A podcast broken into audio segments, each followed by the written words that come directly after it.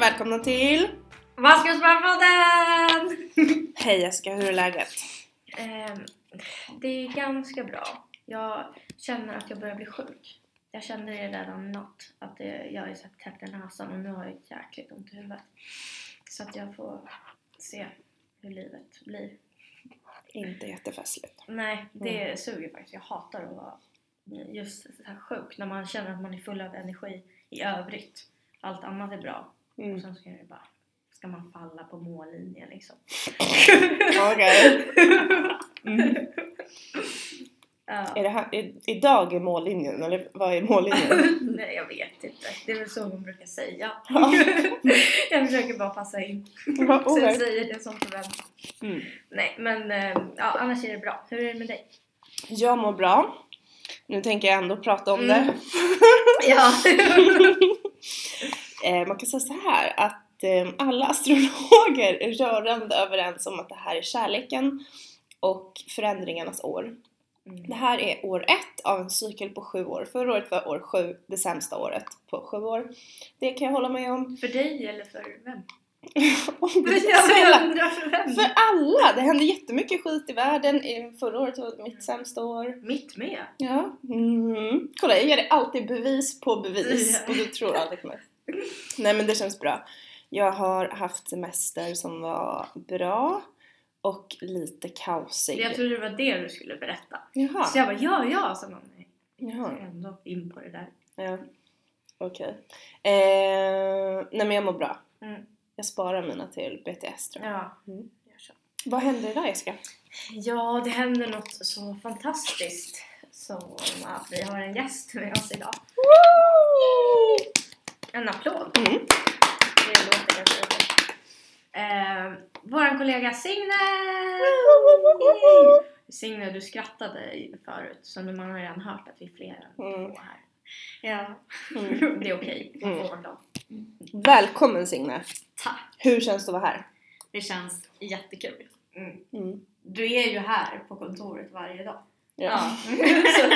Att, Men just i vår studio, i vår Ja. flashiga studio. Ja. Vad gör du på Maskrosbarn? Vad jobbar du med?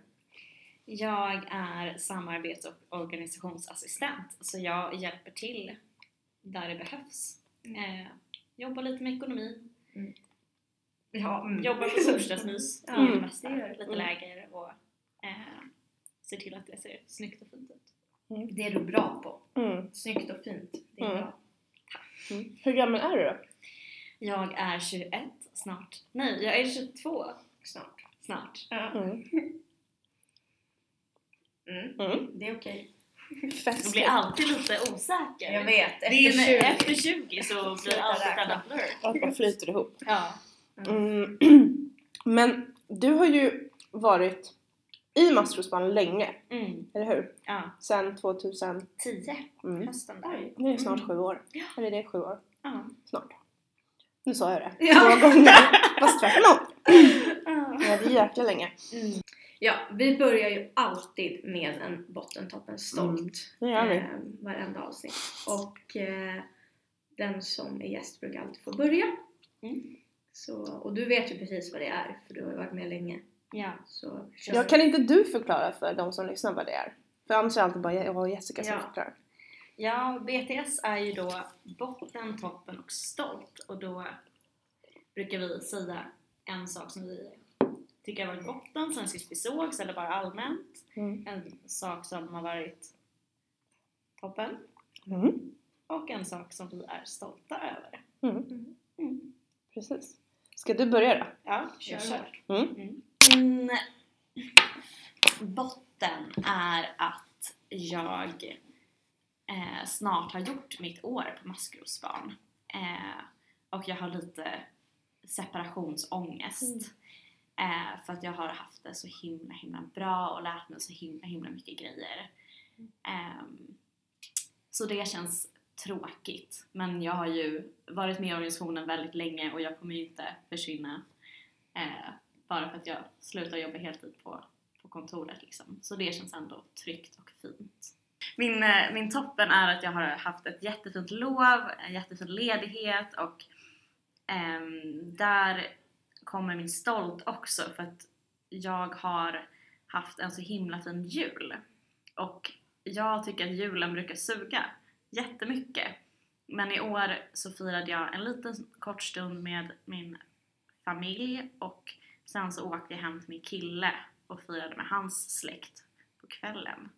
Och det kändes som att det var första julen som julen var på mina villkor och jag var med de människorna som jag ville vara med. Så det är jag stolt över. Mm. Fint. Tack. Tack, tack. Jessica, är det din tur nu då? Ja, jag Mm. kör. Eh, nej men botten är just det att jag känner mig inte i toppform. Och det är tråkigt när... när men, så här fysiskt dåligt. Jag har svårt, svårt att hantera just den känslan. men så här, allt annat har jag, jag har lärt mig att hantera. Men fysiskt eh, dåligt mående har jag dål, dålig koll på. Eh, så det suger. Ehm, min toppen är att eh, vara tillbaka. Det känns verkligen, jag har aldrig känt såhär, nyår det är en, så här, det är en ny start. Så, så har jag aldrig tänkt eller känt. Men eh, det har alltid varit hösten för mig som är nystarten. Men nu känns det verkligen så. Jag kom till kontoret här igår och bara kände Yes, gud vad roligt! Nu händer det sjukt mycket roliga saker det här året. Ehm, vi får många nya som ska börja jobba här. Tråkigt någon som slutar såklart. Ehm, men det händer mycket skoj. Ehm, så jag känner mig jättetaggad. Det är roligt. Och jag har en liknande sak som Signe. Jag tog också så här kontroll över min jul i år. Att jag gjorde det på mina villkor. Ehm, bestämde precis vad jag, vilka jag skulle vara med och ehm, hur jag skulle lägga upp min jul och nyår också. Ehm, så det var väldigt men, lugnt. Jag, jag har tagit det jättelugnt. Jag har sovit supermycket och typ tränat och inte, inte gjort någonting som jag inte vill göra eller träffat någon som jag inte vill träffa. Ehm, och det, ja, det är jag stolt över. Tack! Tack. Mm. Min botten var att jag var ju på semester i Kap Verde vid jul och det var jättemysigt men sen så fastnade vi där i typ fem extra dagar för att det var en sandstorm. Det var inte en fest. Mm. Och eh, då kan man ju tänka så här, gud men det låter ju skitskönt att bara få vara där i fem extra dagar. Det hade det varit om det hade varit planerat för det var så himla mycket så här olika bud från ah, nu kommer få åka, nej ni kommer inte få åka, nej vi vet inte, vi vet inte alls, kanske nästa vecka, ah, ingen aning, wow wow, fram och tillbaka. Så att jag var bara ganska stressad varje dag, jag behövde boka av så jättemycket saker hemma och så ringa hem och rodda och mecka med det. Så fick vi liksom vänta på en flygplats i typ så åtta timmar i solen och alla var bara, det var så dålig stämning, ingen var glad och de väckte oss här på morgonen och bara kom nu! Ehm, och sen så liksom hemresan så tog det jättelång tid, de tappade bort vårt bagage i Finland så vi fick åka hem med typ sandaler och liksom små sommarkläder och alla var bara arga. Ja, det var bara så kaos och eh, jag hade planerat så här ja men då har jag en vecka där och en vecka hemma så jag kan liksom Mm. göra massa saker och sånt och sen så bara hann jag inte göra något och så har jag fuckat upp hela min dygnsrytm för att jag satt på ett plan så himla länge och Mm. typ, ja så. Så jag känner inte riktigt den här nystartspeppen än men jag tänker typ att det är långhelg nu och sen nästa helg så eh, blir det också kul och sådär så att jag tänker att jag får tankeenergi där Mm. istället. För att jag tycker om nyår jättemycket. Jag tycker verkligen så här. ah, det är så himla skönt liksom och så här, det känns som ett blankt papper Mm. resten av året. Mm. Så det var botten. Eh, toppen är att det är 2017 för 2016 var fan det skitigaste skit, piss, rövåret jag typ någonsin har varit med om i hela mitt liv. Jag satt och tänkte på det jättemycket igår kväll när jag var hemma så, så att jag tänkte så jag bara, alltså jag tror inte jag har haft sånt där dåligt år sedan jag var 15 år. Och det var typ livets värsta år för mig. Eh, alltså det har hänt så mycket skit det förra året och jag tänker så här. Jag har en tatuering där det står 'This too shall pass' Alltså, det här kommer gå över. Och att jag har inte tänkt så mycket så det här året men så bara kom jag på det. Alltså, men gud, allting dåligt tar ju slut. Mm. Så är det ju. Ja. Det blir i alla fall annorlunda eller byter form eller någonting nytt kommer. Alltså det tar, det, ingenting är för evigt och för fan vad skönt att det är så. ja, verkligen. Eh, när man har det jobbigt under en så här lång period så är det så Mm. himla skönt sen. Så det är jag glad över. Det kan bara bli bättre nu. Ja. Ta i trä! Eh, och jag är stolt över... eh, Mm. Så jag är to- stolt över att jag inte fuckade ur totalt på den här resan.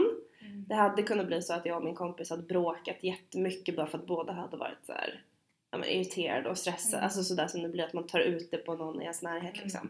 Men vi bråkade ingenting och det är ändå att jag löste allting ganska bra och jag är så stolt över att jag tog mig tid att reflektera över förra året och så vad jag vill det här året och så. Mm. Det tycker jag var så bra grejer. Mm. Tack! Tack.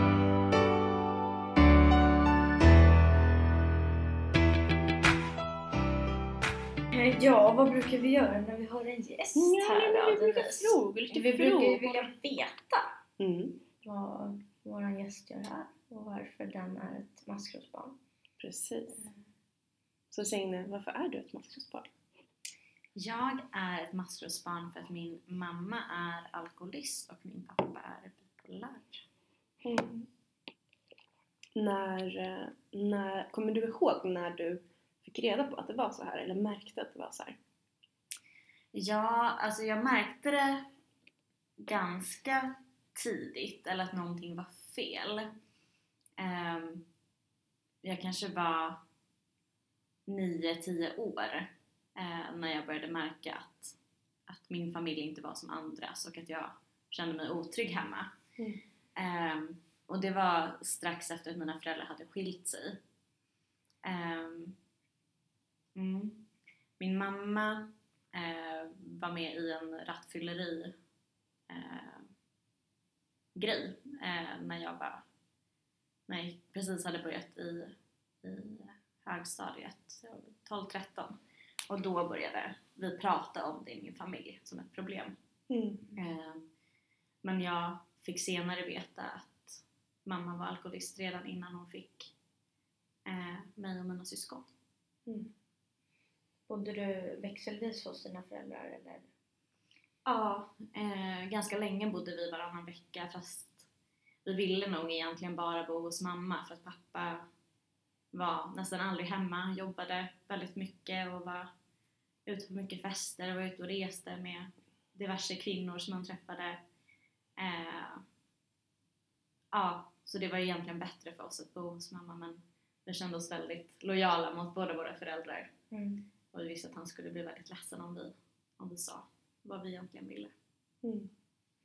På vilket, du sa så här, du bara, jag märkte att vår familj inte var som alla andra. På vilket sätt märkte du det? Eh, ja, men...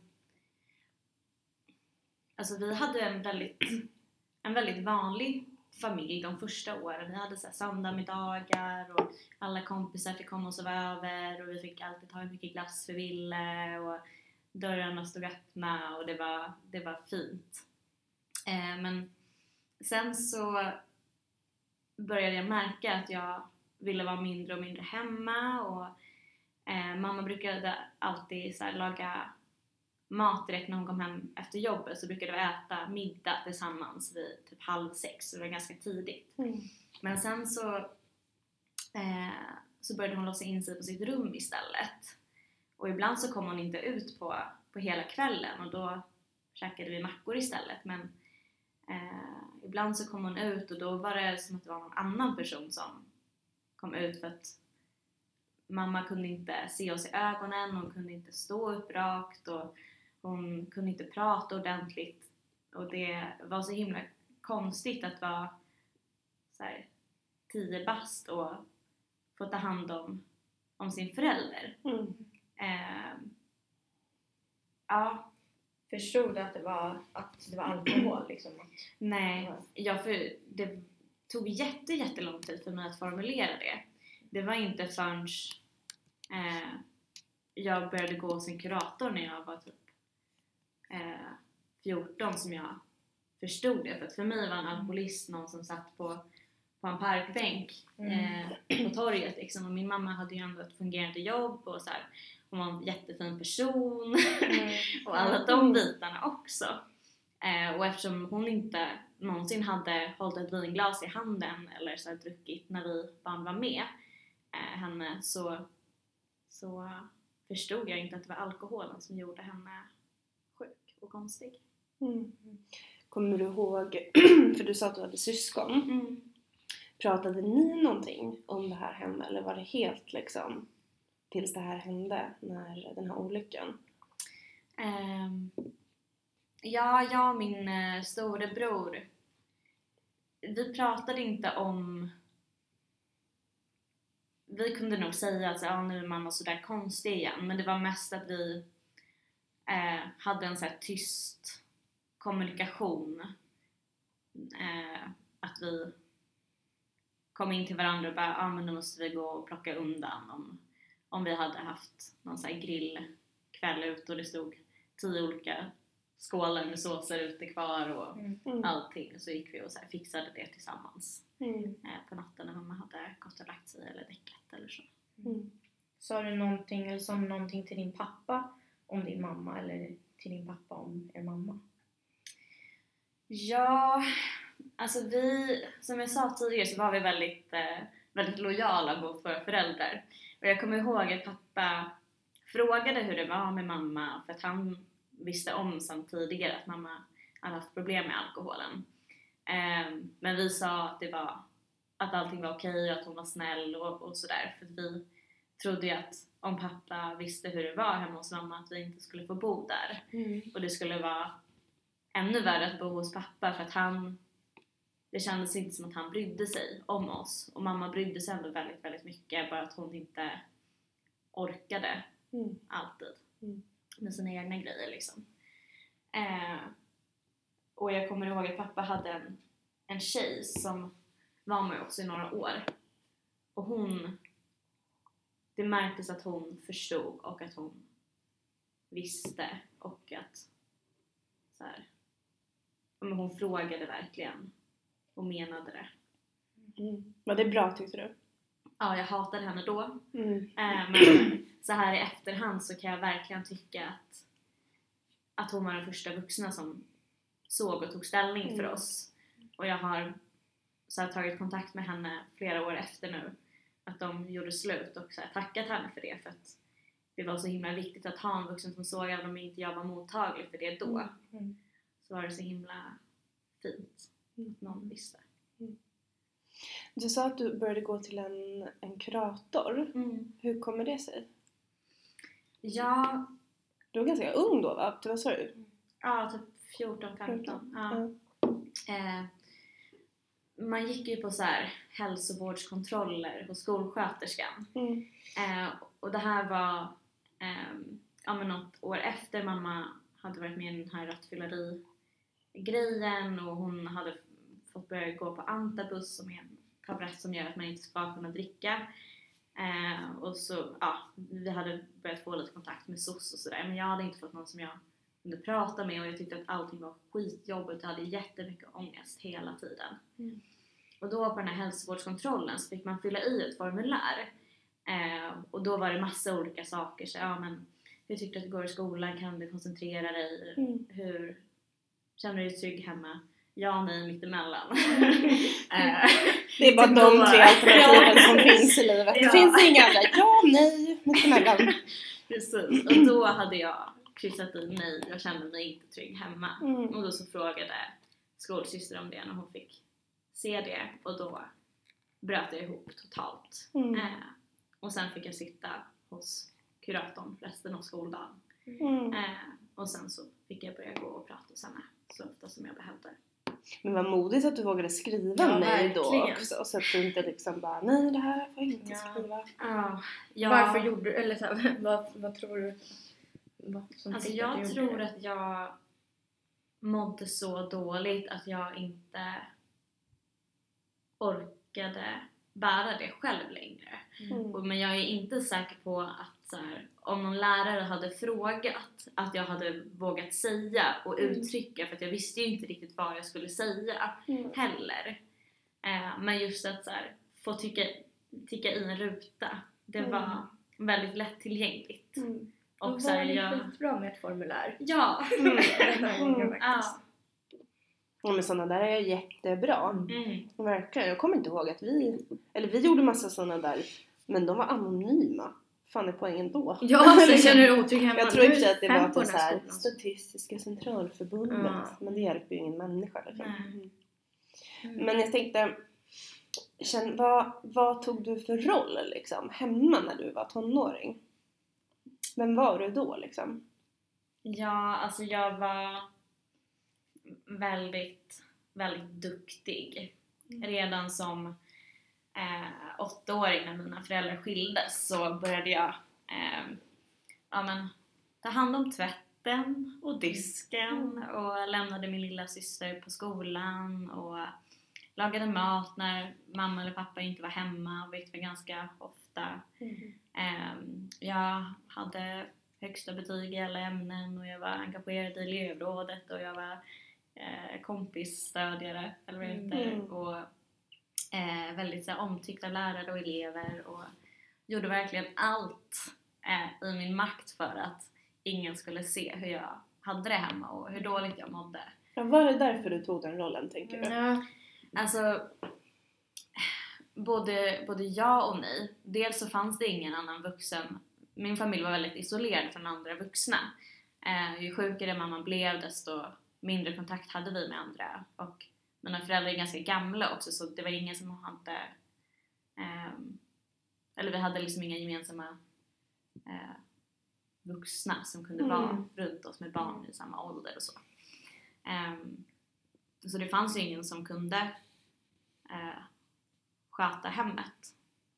Och eh, min bror var ofta hemma hos kompisar och jag hade väl väldigt tidigt också blivit, alltså fått uppmuntran i att jag var så duktig på att Mm. eh, ta hand om saker. Så då gjorde jag det. Alltså sämsta uppmuntran Ja, kan ge. verkligen. Eller så Det är ju jättefina egenskaper Mm. såklart. Alltså det är det ju. Alla människor vill ju vara omhändertagande och Mm. vara hos en. Men alltså, oj, Ja, speciellt det är inte man bra barn, liksom. Men vad, vad hände efter du hade brutit upp hos eh, kuratorn där? Eh, ja, eh, jag fick börja prata om, om det som hände hemma och jag tyckte att det var ganska bra för att eh, jag fick lite stöd och jag fick börja här, sätta ord på mina känslor och eh, få reda ut så här, men vad är mitt ansvar och vad är inte mitt ansvar. Men jag var inte jätte... Jag klickade inte jättebra med kuratorn. Eh, men sen så, eh, så gjorde hon en SOS-anmälan till och då fick jag börja gå i en stödgrupp för barn till eh, alkoholister och missbrukare på SOS Mhm. eh, Mm. med min bror. Eh, Ville du det? Eller blev du typ pushad att gå dit? Eller var du intresserad liksom? nej men jag var nog intresserad. Alltså jag, jag älskade att gå i skolan och så här, tyckte det var jättekul att lära mig saker och det blev samma sak när jag fick eh, komma i kontakt med hjälp. Att eh, gud vad jag var kunskapstörstig. Mm. Eh, och jag kommer ihåg att jag, jag flydde ganska tidigt från den kommunen som jag eh, bodde i som barn för att jag eh, hatade min familj, jag hatade alla som var där. Mm. Men då fick jag ändå gå på, på grupp i den kommunen. Eh, och då träffade jag några som jag hade så gått i samma skola med innan. Mm. Eh, kanske träffat på någon så här fritidsaktivitet. Eh, och det, jag tyckte det var ganska fint ändå. Eh, och så här, få känna lite gemenskap och så här, få en bild av hur det kan se ut i andra familjer och få ett känsla av gemenskap och sitta och Mm. fika lite. Och jag hade jätte, jätte, jättefina arbetsgruppsledare. Eh, de var verkligen jättefina. Mm. Men det var bara en termin Mm. och jag blev så himla ledsen för det. Mm. Och jag frågade dem, så ja men får man gå en gång till? Finns det någon Finns det något mer man kan lära sig? Mm. Eller så här, får man träffa dem här igen? Finns det något annat jag kan Mm. göra? Och de bara nej. Det här är det enda. Mm. Eh, och jag blev så här skitledsen för att jag hade ju precis fått mer kunskap om min situation och ville bara så här fortsätta utvecklas, fortsätta ta tag i allt det som sög. Ehm, och de kunde inte ens hänvisa mig någon annanstans och jag kände mig så himla himla sviken av vuxenvärlden än en gång. Mm. Eh, så då googlade jag barn till alkoholister Mm. och sen var maskrosbarn där på toppen. Mm. Ja. Och det var 2010. Eh, så då så slängde Kommer du ihåg, för, förlåt att jag avbryter, Ja. men kommer du ihåg vad du tänkte då när du loggade in på hemsidan? Var det så här, vad fan är det här för något? Eller var det så här, wow? Fanns det ens en hemsida då? Det fanns Ja. en Ja. hemsida. ja, ja, i och för sig det är inte så länge sedan. jag tänkte såhär, det var svartvit. Okej, just det. Eh, Nej men jag, alltså jag la väl inte så här ner jättemycket tid på att googla men jag tyckte att det lät bra och så här maskrosbarn lät ju gulligt och Gulligt! Ja. Framförallt gulligt. maskrosbarnen. Mm. Eh, ja men så läste jag lite såhär, jaha men passar jag in här? Har jag det tillräckligt jobbigt? Det finns ju de som har det värre. Mhm. Så kände Mm. jag. Men jag visste ändå så, ja men jag har ju haft kontakt på SOS så Mm. även om inte det behöver vara avgörande men jag Mm. tänkte fortfarande den här tanken att säga, ja men båda mina föräldrar har ju jobb Mm. och Mm. så jag klarar mig bra i skolan men jag mår Mm. så jävla dåligt. Mm. Och det är så bra att du säger det, bara en Mm, liten verkligen. parallell. För så där, det där får ju vi höra hela tiden. Ja. Jag tycker det är Ja. fascinerande att typ i princip nästan varenda ungdom som vi har kontakt med eller som Ja. söker ett läger eller vad som helst Mm. är ju så här. Nej men jag kanske inte har haft det tillräckligt jobbigt. Ja. Mm. Och så vet man ju att verkligen alla som är Mm. har haft det mer än Mm. tillräckligt jobbigt. Det Ja. spelar ju ingen roll om man har haft kontakt med SOS eller Mm. om en förälder är sjuk Mm. eller var, alltså så här, Tycker Ja. du att det här är jobbigt, då är det jobbigt. Punkt. Ja. Det är ingen Mm. som kommer liksom förhöra dig eller man behöver inte passa in i någon mall eller så. Men det, alla Ja. tänker ju så. Ja, och att situationen ser ju jätteannorlunda, alltså Ja. olika ut. Ja. Alltså att man kan ju vara placerad i familjehem. Man kanske bor med en förälder som är frisk. Ja. Eh, föräldern kanske har slutat dricka men man Mm. har ändå så här, Mm. dåligt över det som var. Eller så här. så att det är ju Ja, det ser jätteolika ut situationerna och det är ju så här Mm. känslorna hos en själv alltid som Ja. avgör. Jo, det går ju liksom inte att jämföra. Alla är ju Nej. välkomna liksom. Ja. Mm. Och du var välkommen, det kände du? Ja. Efter lite funderande. Ja. Ja, eh, ja, jag mejlade till, till Sandra och så fick jag komma redan samma vecka till Mm. lilla, lilla minikontoret på Kungsklippan. Ja. Eh, och Sandra var så himla, himla, himla fin. Ja. Och, Mm. och hon fick mig verkligen att känna mig välkommen och eh, hon bekräftade mig och såg mig och sa jag vet hur det känns. Mm. Mm. Och det var den första personen som jag kunde känna verkligen förstod. Mm. Så folk kan säga det men de vet fan inte. Nej. Men på Maskrosbarn så vet Ja. Mm. alla. Och det var en så himla himla lättnad. Eh, ja. Och vad hände sen då? Vad fick du Ja. göra när du, efter du hade pratat med Sandra liksom? ja, jag fick börja gå i stödgrupp Mm. eh, på kontoret eh, med ett gäng andra tjejer eh, och en till ledare. Eh, och varannan gång så eh, var vi på kontoret och så fikade vi och eh, körde BTS och Mm. pratade kring olika teman och ja, fick prata av oss om det som vi kände att vi behövde prata om. Eh, och sen varannan gång så var vi ute på stan och gjorde massa roliga grejer. Mm. Vi var på någon så här höghöjdsbana och utmanade våra rädslor och eh, växte i, i vår trygghetscirkel. Eh, och vi var och dansade zumba och gick på Vapiano och Mm. käkade. Eh, och det var så himla himla fint. Och sen eh, sommaren efter det så åkte jag på mitt första läger. Mm. Ah, Och sen så började du jobba också hos oss Ja. efter ett tag precis. som ungdomsledare. Mm. Och nu jobbar du här. På kontoret. Värsta maskrosbarn-karriären. Ja, verkligen. Resan genom maskrosbarn. Ja, verkligen. Ja. Maskrosbarn-CV kan man Ja. säga.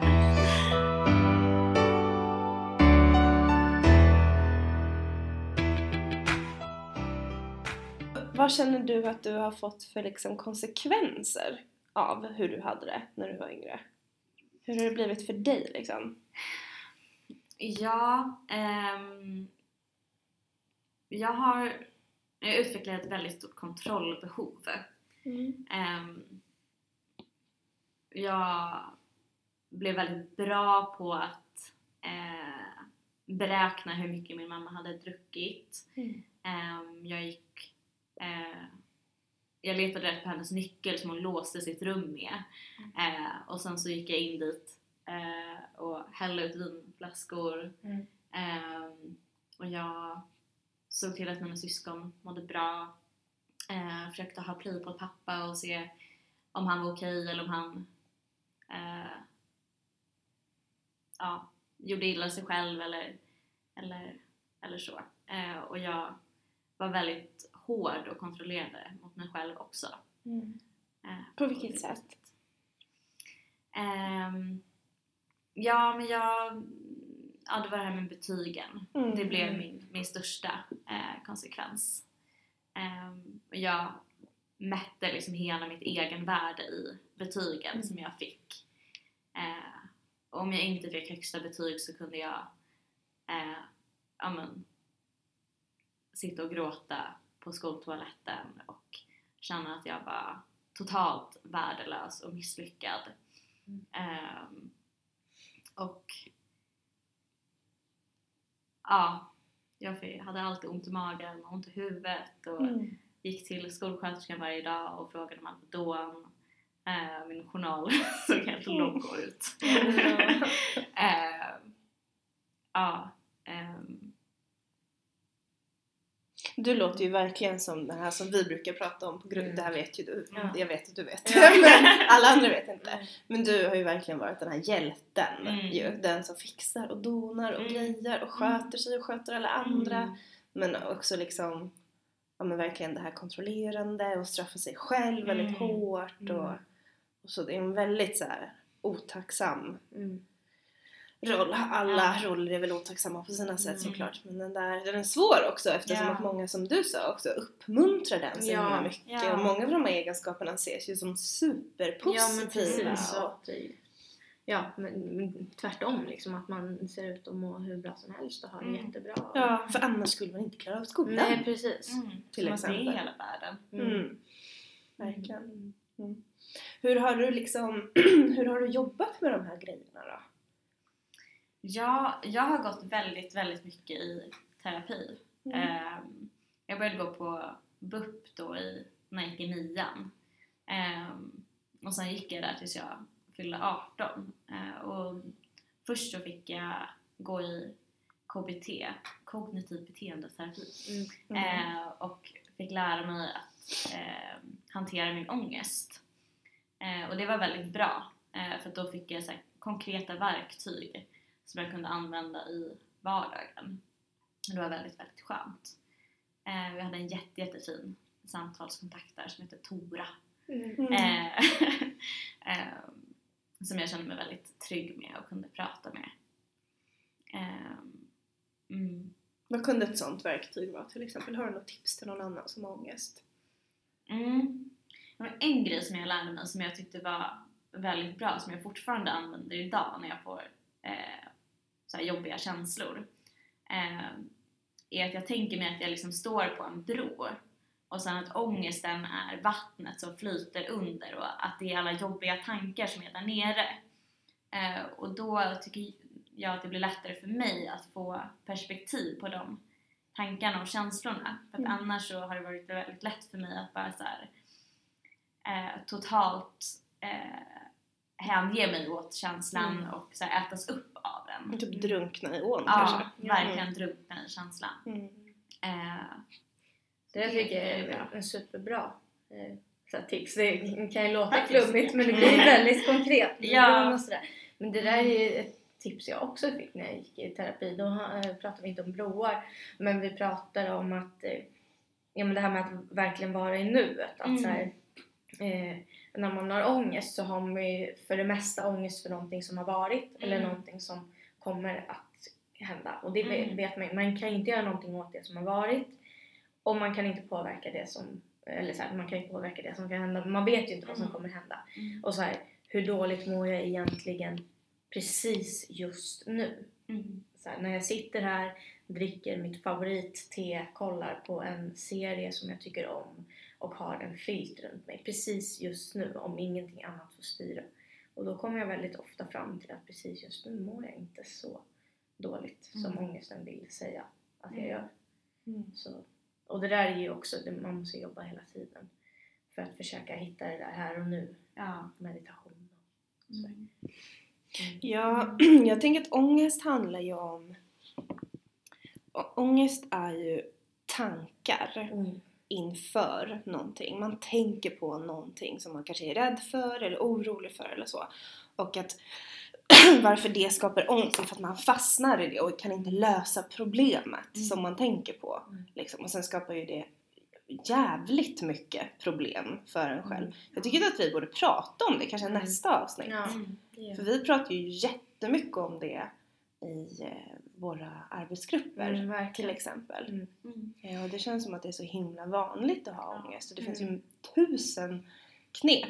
Ja, verkligen. så- Ångest och stress är ju Ja. om man inte känner Det ena så känner man Ja men precis!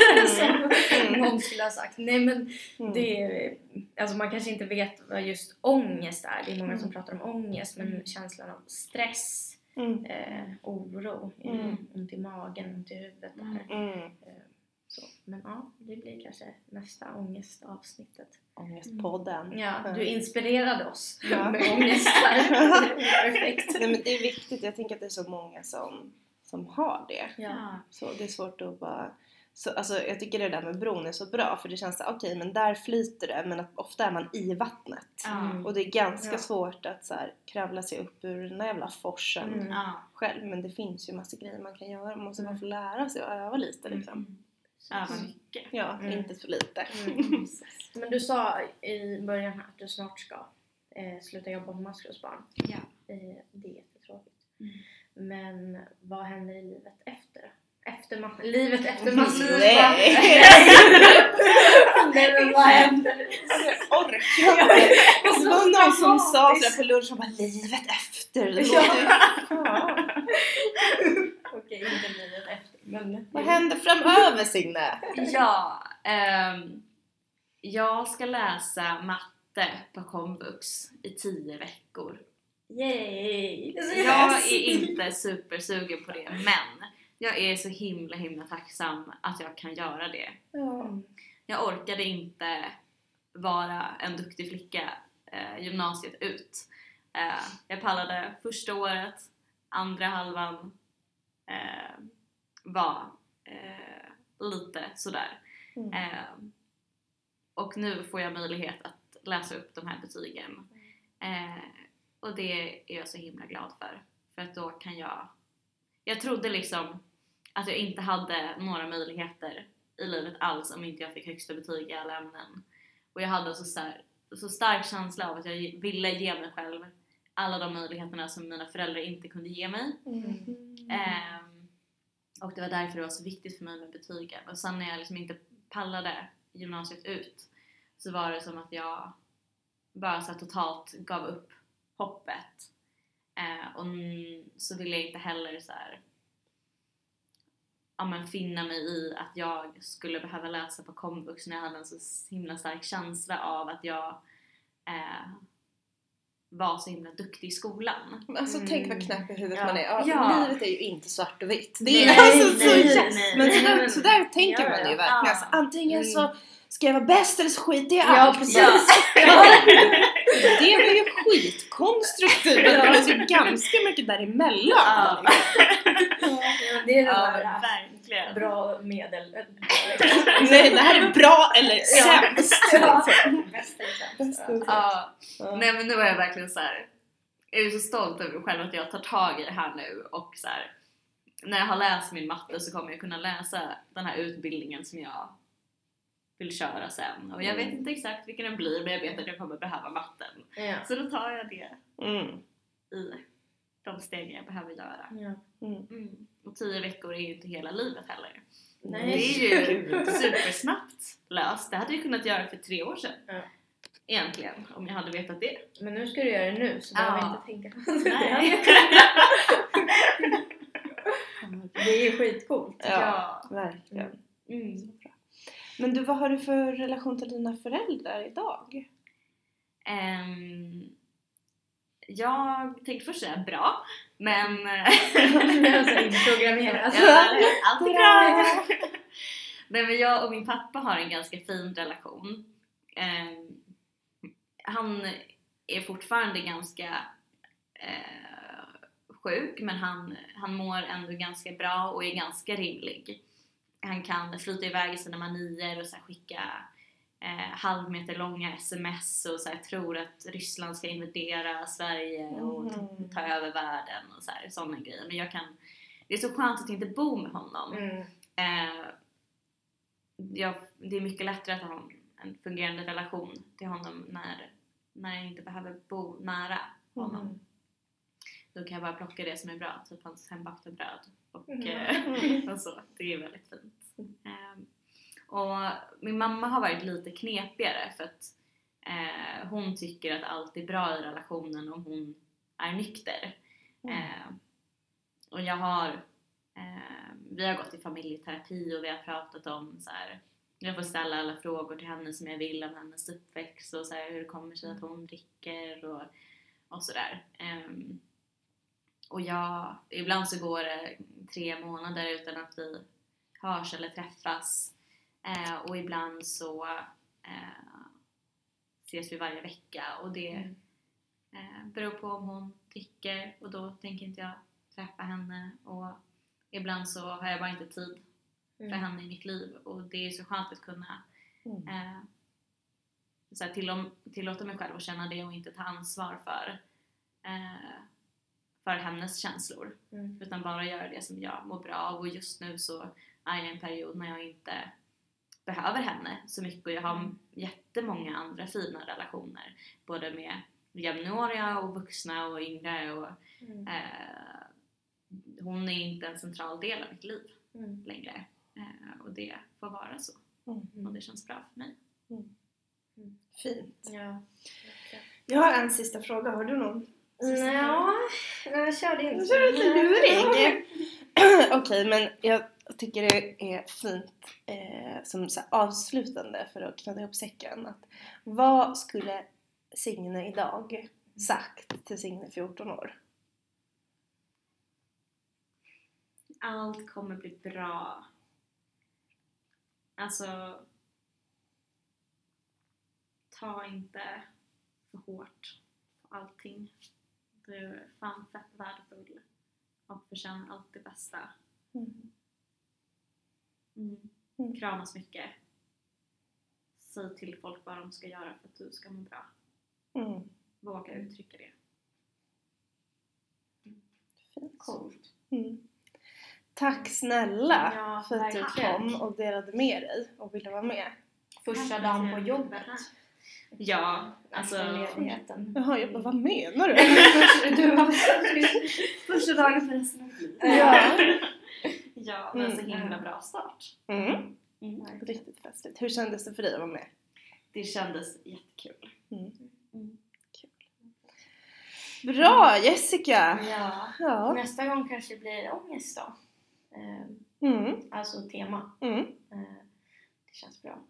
Mm. Ehm, ja, jag har inte så mycket mer att säga. Jag känner den där, den där huvudvärken och den där näs, täppt i näsan och det börjar komma. Alltså inte bra. Jag känner mig seg. Har du Så snubblat nu? Eller är du på väg att snubbla? Ja, snubbla? Mm, Ja, snubbla på jag bara snubbla!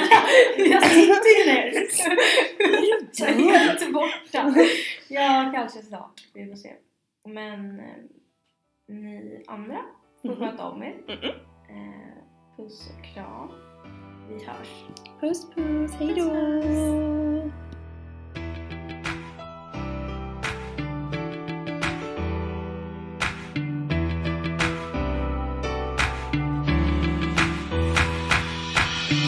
Du kan klättra så högt som du vill.